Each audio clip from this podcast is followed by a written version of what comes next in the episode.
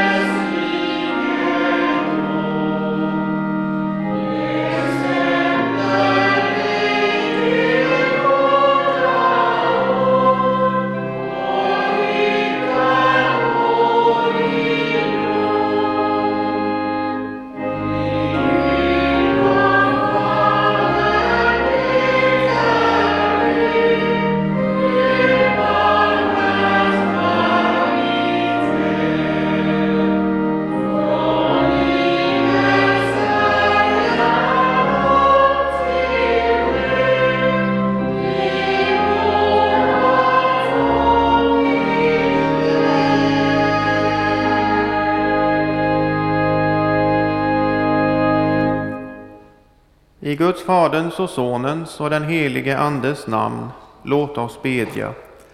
Rena, o Gud, våra hjärtan och samveten, så att din Son, när han kommer till oss, må i våra hjärtan finna en beredd boning, genom samme din Son, Jesus Kristus, vår Herre. Amen.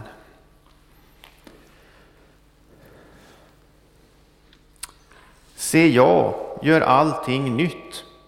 Uppenbarelseboken 21 kapitel och den femte versen. Och det är Herren Jesus som säger dessa ord och det ska vara vår beredelse inför nattvardsgången och eh, ha det som en påminnelse inför det här nya året som vi nu går in i. Och bakgrunden till dessa ord, det ligger i Bibelns lära om denna skapelsens upplösning och förgänglighet. Det är en mycket omvälvande tankegång att det vi ser och har runt omkring oss en dag ska försvinna. Jesus säger ju på ett annat ställe att himmel och jord skall förgå, men mina ord ska aldrig förgå. Och då är att himmel och jord ska förgå, det är inte bara en schablon, utan det är, han menar verkligen så. Och läser vi sedan i Bibelns sista bok så får ju Johannes där på ön Patmos, han får se in i framtiden. Och i slutet av Uppenbarelseboken så beskrivs just den nya himlen och den nya jorden och hur vår nuvarande jord och himmel och hav, att det inte mer fanns till. Och här har vi då Jesu ord i det sammanhanget. Se, jag gör allting nytt.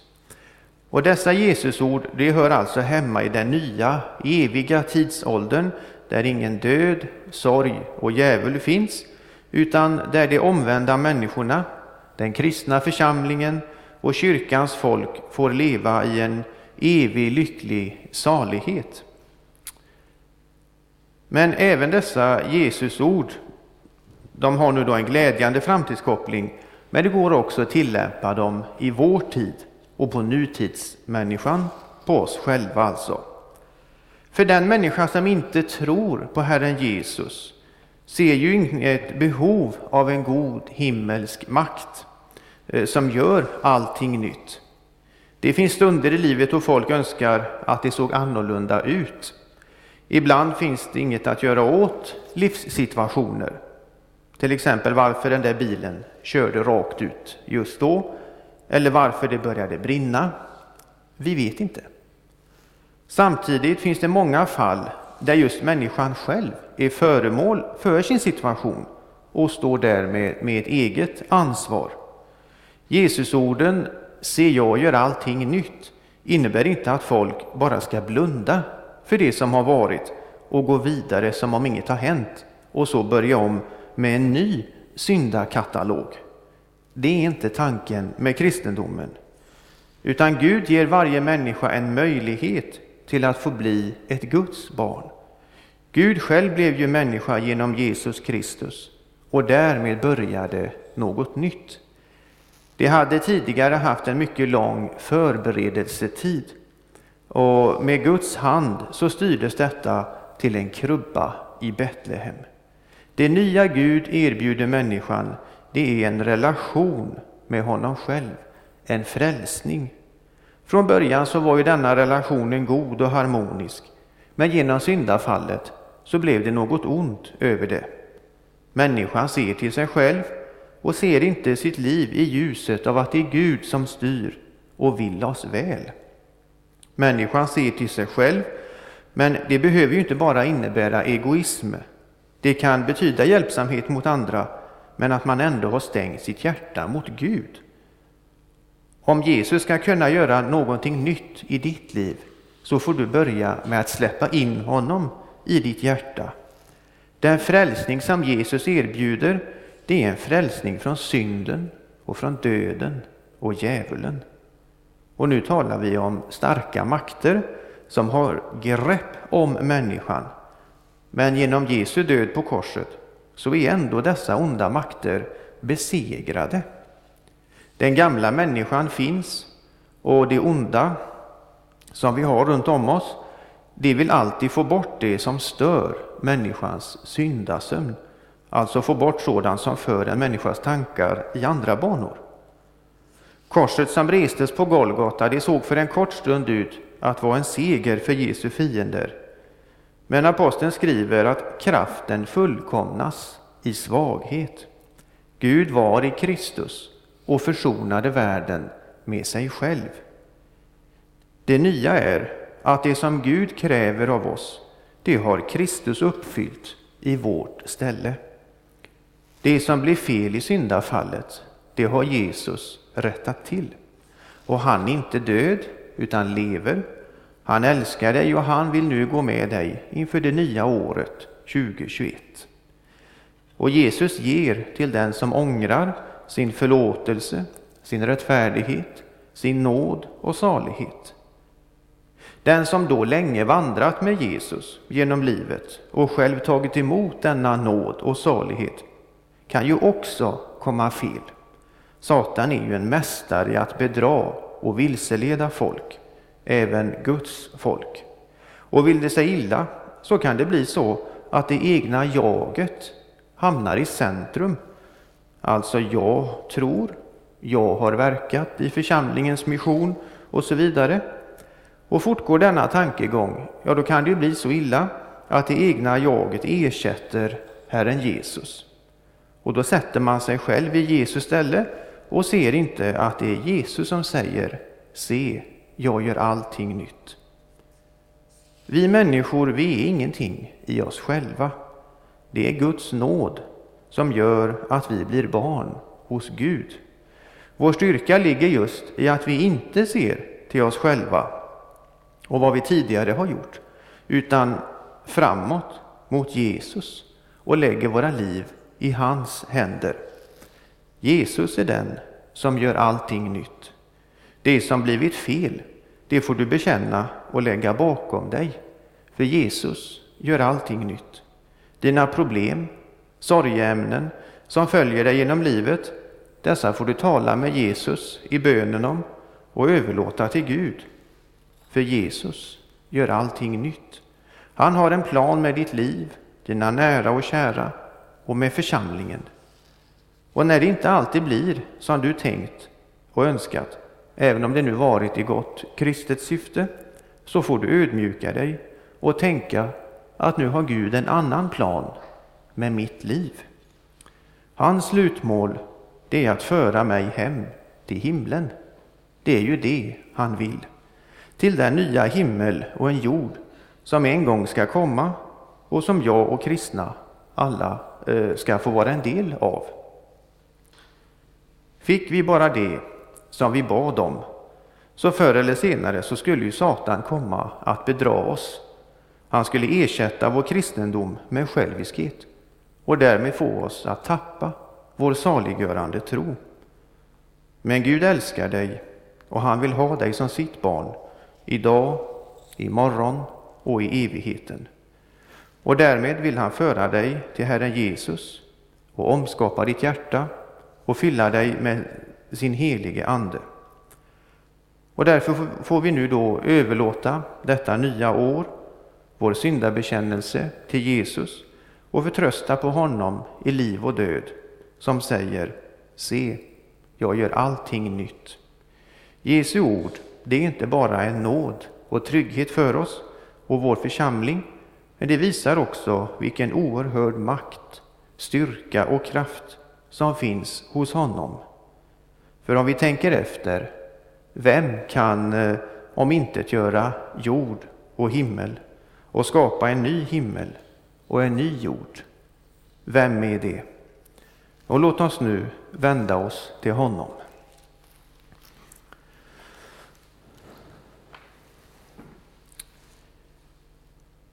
Gud, var mig nådig i din godhet.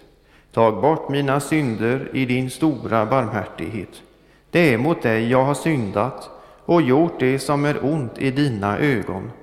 Vänd bort ditt ansikte från mina synder och befria mig från min skuld. Skapa i mig, Gud, ett rent hjärta och gör mig på nytt frimodig och stark. Driv inte bort mig från ditt ansikte och tag inte din helige Ande ifrån mig. Låt mig åter få glädjas över din frälsning och hjälp mig att villigt följa dig.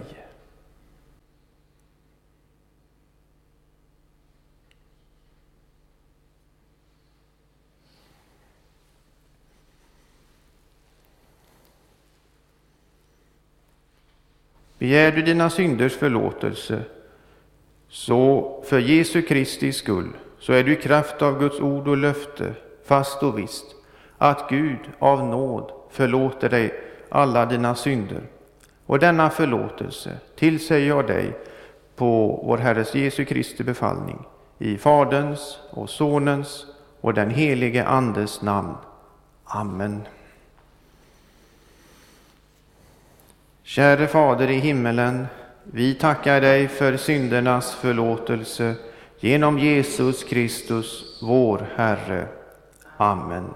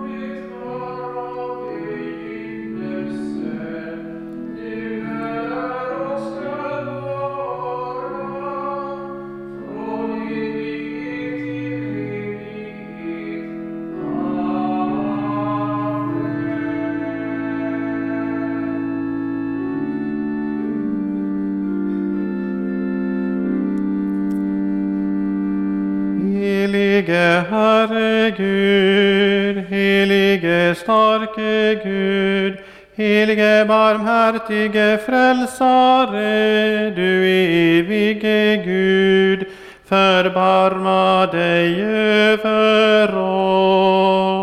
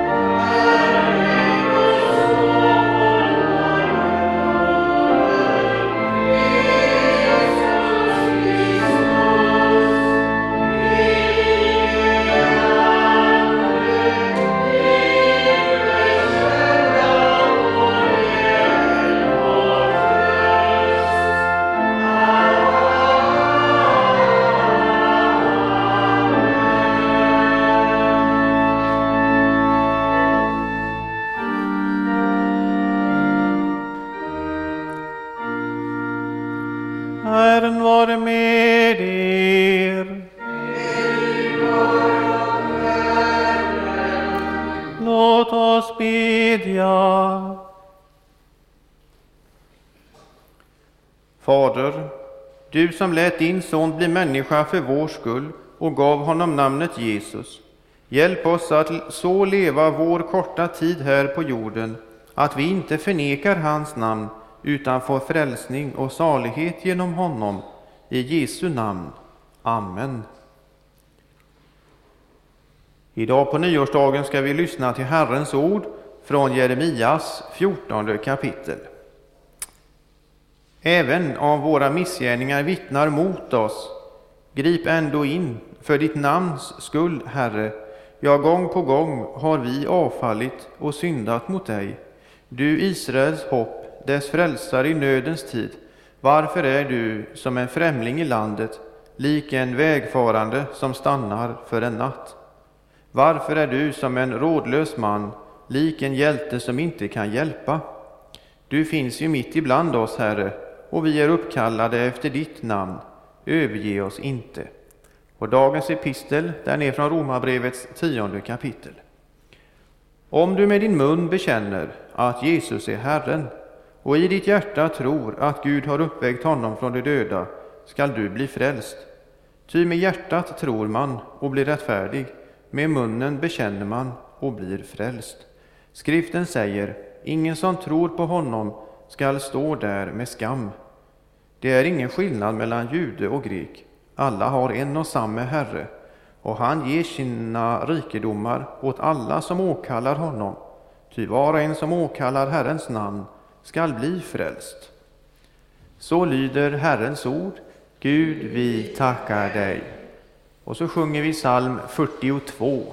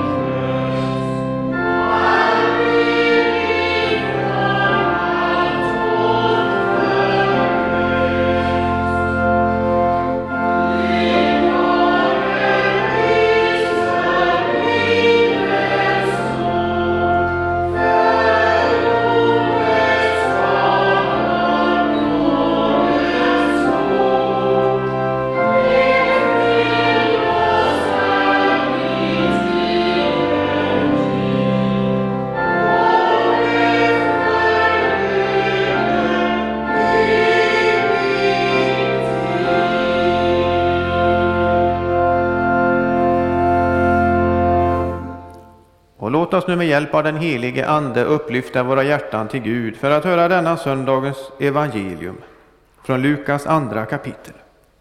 När åtta dagar hade gått och barnet skulle omskäras fick han namnet Jesus, det namn som ängeln hade gett honom innan han blev avlad i sin mors liv.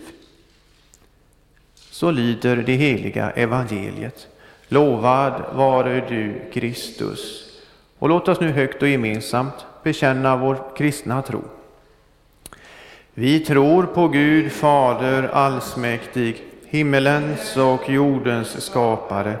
Vi tror och på Jesus Kristus, hans enfödde Son, vår Herre, vilken är avlad av den helige Ande, född av jungfru Maria, pinad under Pontius Pilatus, korsfäst, död och begraven, nederstigen till dödsriket, på tredje dagen uppstånden igen ifrån de döda, uppstigen till himmelen, sittande på allsmäktig Gud Faders högra sida, därifrån igenkommande till att döma levande och döda.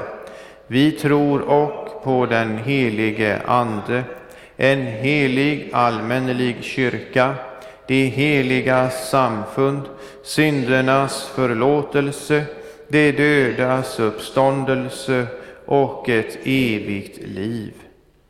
Och så sjunger vi psalm 273.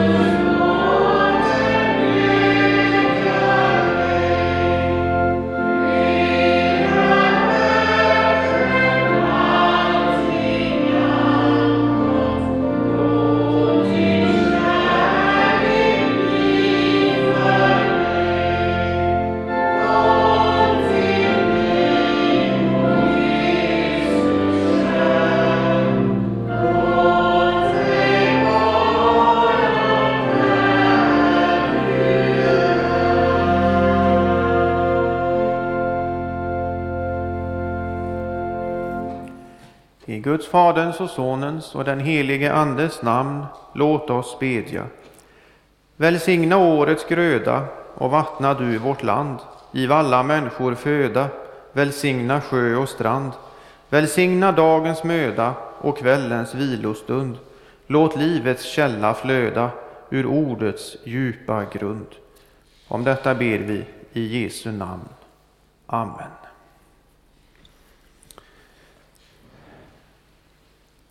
I våra kyrkliga textläsningar så på söndag efter jul var vi i templet och där är vi även idag på nyårsdagen.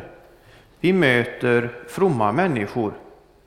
För Josef och Maria var inte templet bara en kulturellt betingad sak som de historiskt skulle bevara med dess ordningar. Nej, Jesu föräldrar var fromma. De trodde på Gud. Det gjorde också att den lag som Gud givit sitt folk, den var helig och därmed något som man rättade sig efter. För en troende människa blir ju detta en samvetssak. En överträdelse av lagen var inte bara synd mot lagen, det var och det är synd mot Gud.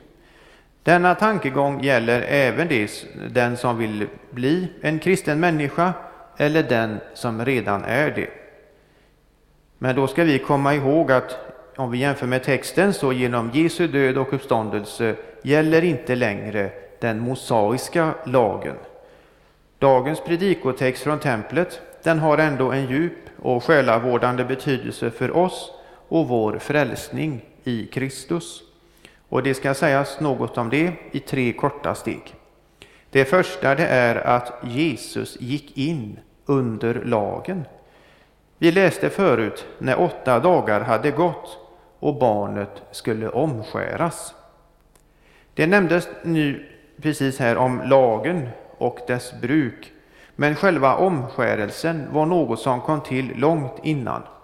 Omskärelsen efter åtta dagar det blev ett signalement, ett renhetstecken på att denne pojk nu tillhörde det judiska folket. Renhetstecknet är alltså att nu tillhörde denne pojk Gud och den nåd och kärlek som Gud lovat skulle han även visa detta barn och bakvänt att detta barn inte skulle följa det oomskurnas seder, avgudadyrkan och så vidare. Omskärelsen var från början ett förbund mellan Gud och Abraham, men som långt senare av Gud lades in i den mosaiska lagen. Denna lag hade format och under århundradenas lopp även kulturellt blivit något som eh, kännetecknade det judiska folket. Utanför Jerusalems stad hade man synagogor. I Lukas 4 läser vi om Jesus, hur han undervisade i Nasarets synagoga. I vers 4 ser vi hur samvetsgrant Jesus handlar och det står på sabbaten gick han till synagogan som han brukade. Här ser vi vilken tydlig koppling idag till varför Guds folk firar gudstjänst i kyrkan tillsammans med sin församling. Men går vi tillbaka till Jesu tid så inne i Jerusalem stod ändå judarnas stolthet, templet. Och det var hit upp de två unga föräldrarna vandrade med Jesusbarnet för att omskära honom, inviga barnet åt Gud och ge honom ett signalement på vilket heligt förbund han nu hade gått in i. Efter omskärelsen hade Jesus gått in under lagen. Och här står vi idag med våra liv och detta hände för lite mer än 2000 år sedan. Och hur förklarar vi detta för oss själva och för andra om denna kopplingen till vår kristna tro? Det ska nu också belysas på olika sätt i den resten av predikan.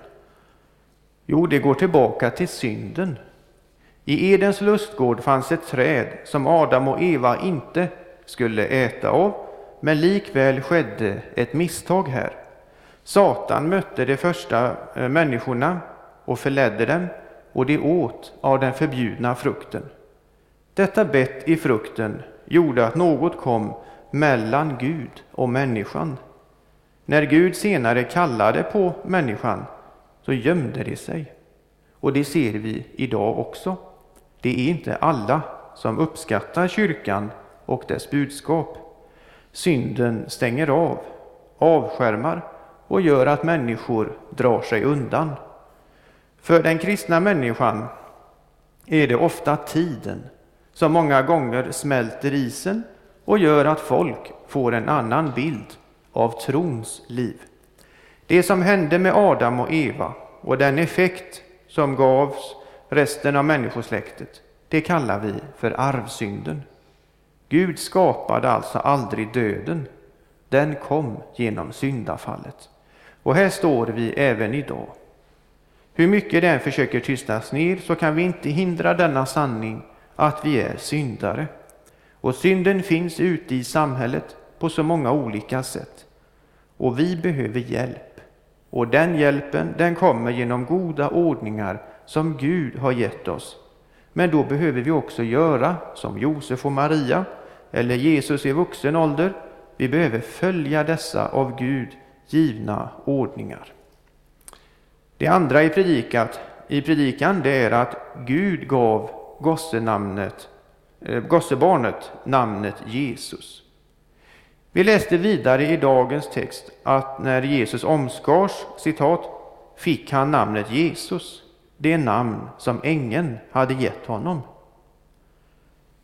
Gud vill inget hellre än att få eh, tillbaka oss människor till sina barn. Den goda ord, de goda ordningar som han gav var visserligen av godo, men de kunde ändå inte fullt ut rädda människan. I Hebreerbrevet 10.4 står det, ty det är omöjligt att tjurar och bockars blod skulle kunna utplåna synder. Den kristna människan som med ärligt samvete känner sig själv och därmed sin syndanöd vet om att det går inte en dag utan att något sker mot Gud som inte var efter hans vilja. Synden finns kvar i ett kristet människoliv även efter en omvändelse, men den är försonad genom Jesus. Det som skiljer en omvänd människa från en som inte tror på Jesus, det är att den troende människan ber ju till Gud att Gud ska se i nåd till mig för Jesus skull. Alltså att den försoning som Jesus ordnade med på Golgata, att Gud ska komma ihåg den och att den också gäller mig. I vår psalmbok, så i psalm 635, den sjätte versen, så sjunger vi Minns, o Gud, att jag är renad genom Jesu Kristi blod och genom tron förenad med din son, min Herre god. Gud blev människa genom Jesus Kristus. Det var inte bara för att i vuxen ålder undervisa, predika att tiden nu gått in i ett nytt skede, hjälpa nödställda och krymplingar. Allt sådant, det är ju fantastiskt. Men det Jesus visar med hela sitt liv, från krubban i Betlehem till korset på Golgata, eh, det är att han inte hade någon synd. Det finns bara en enda människa som fullt ut klarat av att leva så som Guds lag kräver, och det är Jesus. Det som skiljer det Jesus från det judiska folket, ja, från oss här idag och hela mänskligheten, är att vi alla har synden inom oss, arvet från Adam. Men det har inte Jesus. Han blev omskuren och ställd under den lag som alla bryter mot, men själv bröt han inte mot något så länge han levde och vandrade här på jorden. Hans vandring slutade inte, utan hans kärlek fortsatte och ledde honom inför Pontius Pilatus som utfärdade dödsdomen. Eftersom Jesus inte hade någon synd och blev gjord till syndare utifrån att han fick då bära allt i sin kropp och dog på korset, så är hans död den försoning som krävdes i Guds ögon. Jesus är det felfria lammet som tar bort världens synd. Cirka 30 år före denna försoning, så i templet, fick det lilla gossebarnet namnet Jesus som ängeln hade sagt. Det var Gud som hade bestämt det, för det är just vad han är. Jesus betyder frälsare. Detta blev Jesu personliga tilltalsnamn. Mänskligt sett hade det tidigare i Israels historia funnits många frälsare som räddat folket. Josua och Jesus, det är till exempel samma namn. Josua är den hebreiska formen som vi har i Gamla testamentet. Och då tänker vi ju närmast på slaven Josua som fick leda och besegra arméerna när löfteslandet intogs efter fångenskapen i Egypten. Det skedde dock med Guds hjälp. Som människa är det ändå skillnad med gossebarnet Jesus. Jesus är inte bara sann människa utan tillika sann Gud. I Jesaja 43, den elfte versen, säger Herren Gud om sig själv. Jag, jag är Herren, förutom mig finns ingen frälsare. Det tredje och sista vi ska titta på det är att Jesus blev avlad av den helige Ande. Vi har nu sett att Jesus inte bara var en vanlig person. Evangelisten Lukas förtydligar detta med att inflika citat innan han blev avlad i sin mors liv. Maria blev havande utan någon man. Det går naturligtvis att ifrågasätta detta med att tänka i vår syndakultur med all den lössläppthet som rått i detta land under decennier på samlevnadens område och då tänka att Maria träffade en soldat eller liknande. Men det står inte så, utan då är det synden som vill gömma sig bakom synden. Man kan ju alltid anklaga andra med de synder man själv är bunden i. Amerikanerna har till exempel anklagat Huawei för spioneri. Men vad har amerikanerna gjort själva tidigare då? Då, då riktar man ljuset från sig själv. Sen ligger det kanske något i det också, men eh, det, det är ett sätt då. Man, man, kan alltså gömma sig bakom synden. Men det vi ska tänka på det är att nu handlar Gud. Det är det som är det avgörande. Och därmed har inte människan kontrollen. I Guds frälsningsplan var detta något som var uttänkt långt tillbaka i tiden. Och tidigare var vi inne på och tittade eh, utifrån hur det gick med syndafallet. Och I den berättelsen så står det hur Gud talade till ormen och då säger Gud så här. Jag ska sätta fiendskap mellan dig och kvinnan och mellan hennes avkomma och mellan din avkomma och hennes avkomma. Han skall krossa ditt huvud och du ska hugga honom i hälen. Denna vers kallas för protevangeliet. Det är alltså det första evangeliet.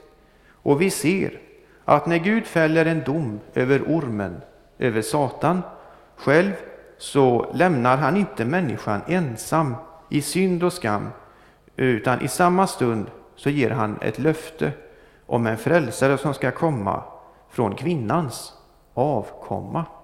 Kvinnans avkomma innebär att det ur människosläktet ska komma en frälsare. Och detta för våra tankar fram mot inkarnationen, ett människoblivande i moderlivet utan någon man. Så som vi bekände förut, avlad av den helige Ande, född av jungfru Maria. Och detta kan vi också komma ihåg, att när vi hamnar i problem så önskar vi många gånger ta oss direkt ut ur problemet. Men det vi ser med syndafallet så togs inte människan omedelbart ur svårigheterna. Men ändå så övergav Gud inte människan, utan han gav ett löfte. Vi ska också nu ta ett sista bibelställe här från Gamla testamentet. I Jesajas sjunde kapitel, den fjortonde versen, så talar Herren Gud och säger Därför ska Herren själv ge er ett tecken. Se, jungfrun ska bli havande och föda en son, och hon ska ge honom namnet Immanuel. Det tecken som åsyftas är ett frälsningens tecken. Det ska därmed förtydliga och överbevisa att detta är något som går utöver allt vad vi kan klara av. Med olika ingrepp kan det på medicinsk väg bli ett barn, men med två tomma händer går det inte. Gud visar här sin frälsande makt genom att ett under skedde med Maria och på denna väg blev Gud människa i Jesus Kristus. Och på detta sätt lämnade Gud sin boning från ett ljus dit ingen kan komma och genom inkarnationen kom han in i vår värld. Så har vi idag inför det nya året fått höra om hur Jesu föräldrar tog Jesusbarnet till templet för att låta omskära honom och ge honom namnet Jesus, så som ängeln hade förutsagt. Jesus blev nu som människa helgad, avskild för att tillhöra Guds folk, men därmed också att stå under lagen. Jesus var då ingen vanlig människa. Han hade ingen synd och bröt inte mot något av de förbud som, eh, och de ordningar som Gud gett. Han är då den fullkomliga försoningen i Guds ögon för våra synder. Och hans namn, Jesus, det betyder frälsare. Och avslutningsvis så flikade då Lukas in att denna frälsning med Jesu människoblivande utan någon man, avlad av den helige Ande, är just ett av Guds frälsningstecken till att övervinna otro och tvivel när sådant kommer.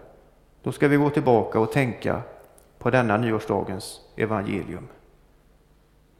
Ta nu till dig dessa ord och be över dem, sätt tro till dem, så att du med glädje kan möta det nya året och inte behöver frukta för det som kommer, utan ta varje dag så som den dagen kommer. Amen. Lovad vare Gud och välsignad i evighet, som med sitt ord tröstar, lär, förmanar och varnar oss. Helige Ande, skriv ordet i våra hjärtan så att vi inte blir glömska hörare, utan varje dag växer till i tro, hopp, kärlek och tålamod in till tidens slut och blir saliga. Genom Jesus Kristus, vår Herre. Amen. Och innan vi sjunger psalm 196 så säger vi till sist Må hoppets Gud uppfylla er med all glädje och frid i tron så att ni överflödar i hoppet genom den helige Andes kraft. Amen.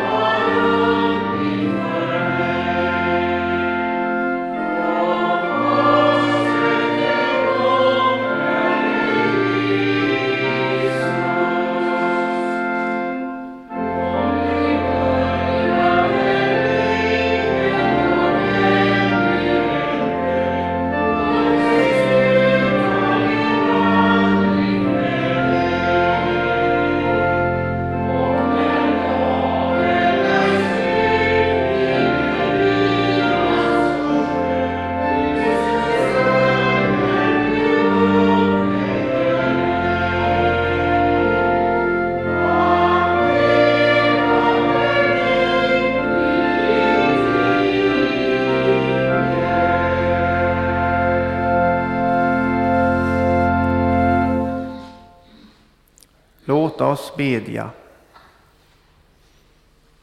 Himmelske Far, se i nåd till vårt folk. Du har skapat oss och älskar oss. Du ser att vi är i största fara, därför ber vi dig. Herre, hjälp oss i vår nöd och låt oss inte gå under. Ge oss nåden att omvända oss från syndens och laglöshetens vägar som leder vårt land till undergång. Herre, förbarma dig över oss. Herre Jesus Kristus, utan dig är vi maktlösa inför de förstörande krafterna som svämmar över vårt folk och förgiftar det. Därför berömmer vi oss över din seger över ondskans andemakter, vilkas påverkan man ser varje dag i offentligheten, i ord och bild. Herre, du har på Golgata kors övervunnit mörkrets makter. Det måste ge vika även idag, eftersom vi upphöjer dig, ditt namn, över dem. Detta tror vi på, ty du kan även i vår tid beskydda människor för Satans villfarelse. Herre, förbarma dig över oss. Hjälp oss genom din helige Ande att i våra, vårt eget liv strida mot synden och vara ståndaktiga ända till slutet. Gör oss till ett tecken på din frigörande nåd. Fyll oss med din kärlek så att vi håller dina bud. Må din kärlek vara den kraft i oss som övervinner mörkrets makter över vårt folk. Herre Jesus Kristus, allt förmår vi dig, det tror vi på. Förbarma dig över oss. Vi ber också i denna coronatid. Helige Herre Gud, vi vänder oss till dig, du som är Fadern och Sonen och den helige Ande. Vi prisar dig för din makt och din härlighet. Vi bär fram all den oro och nöd som kommer av coronavirusets framfart.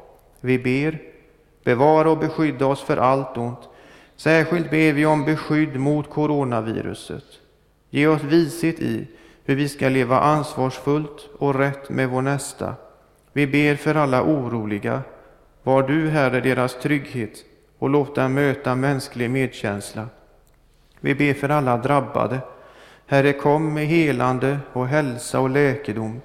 Vi ber för alla gamla och utsatta. Herre, var du deras beskydd.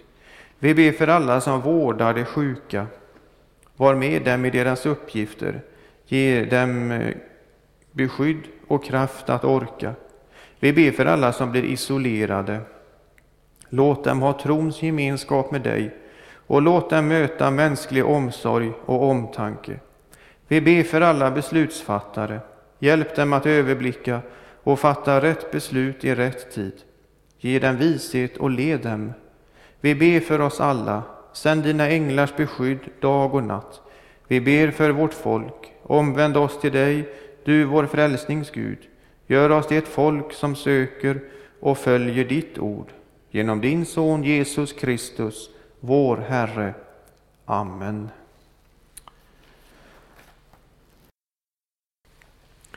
Fader vår som är i himmelen. Helgat varde ditt namn. Tillkommer ditt rike. Ske din vilja så som i himmelen, så och på jorden. Vårt dagliga bröd giv oss idag och förlåt oss våra skulder, så som och vi förlåta dem oss skyldiga äro. Och inled oss inte i frestelse, utan fräls oss ifrån ondo. Ty riket är ditt och makten och härligheten i evighet. Amen.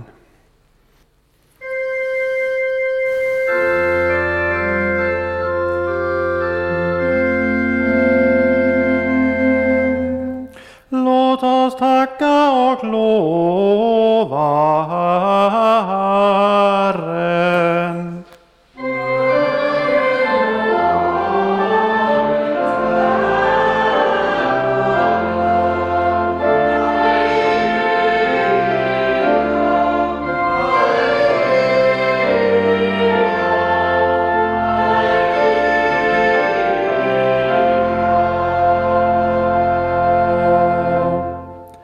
Tag emot Herrens välsignelse.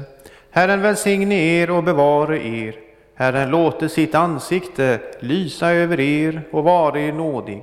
Herren vände sitt ansikte till er och give er sin frid i Faderns och Sonens och den helige Andes namn.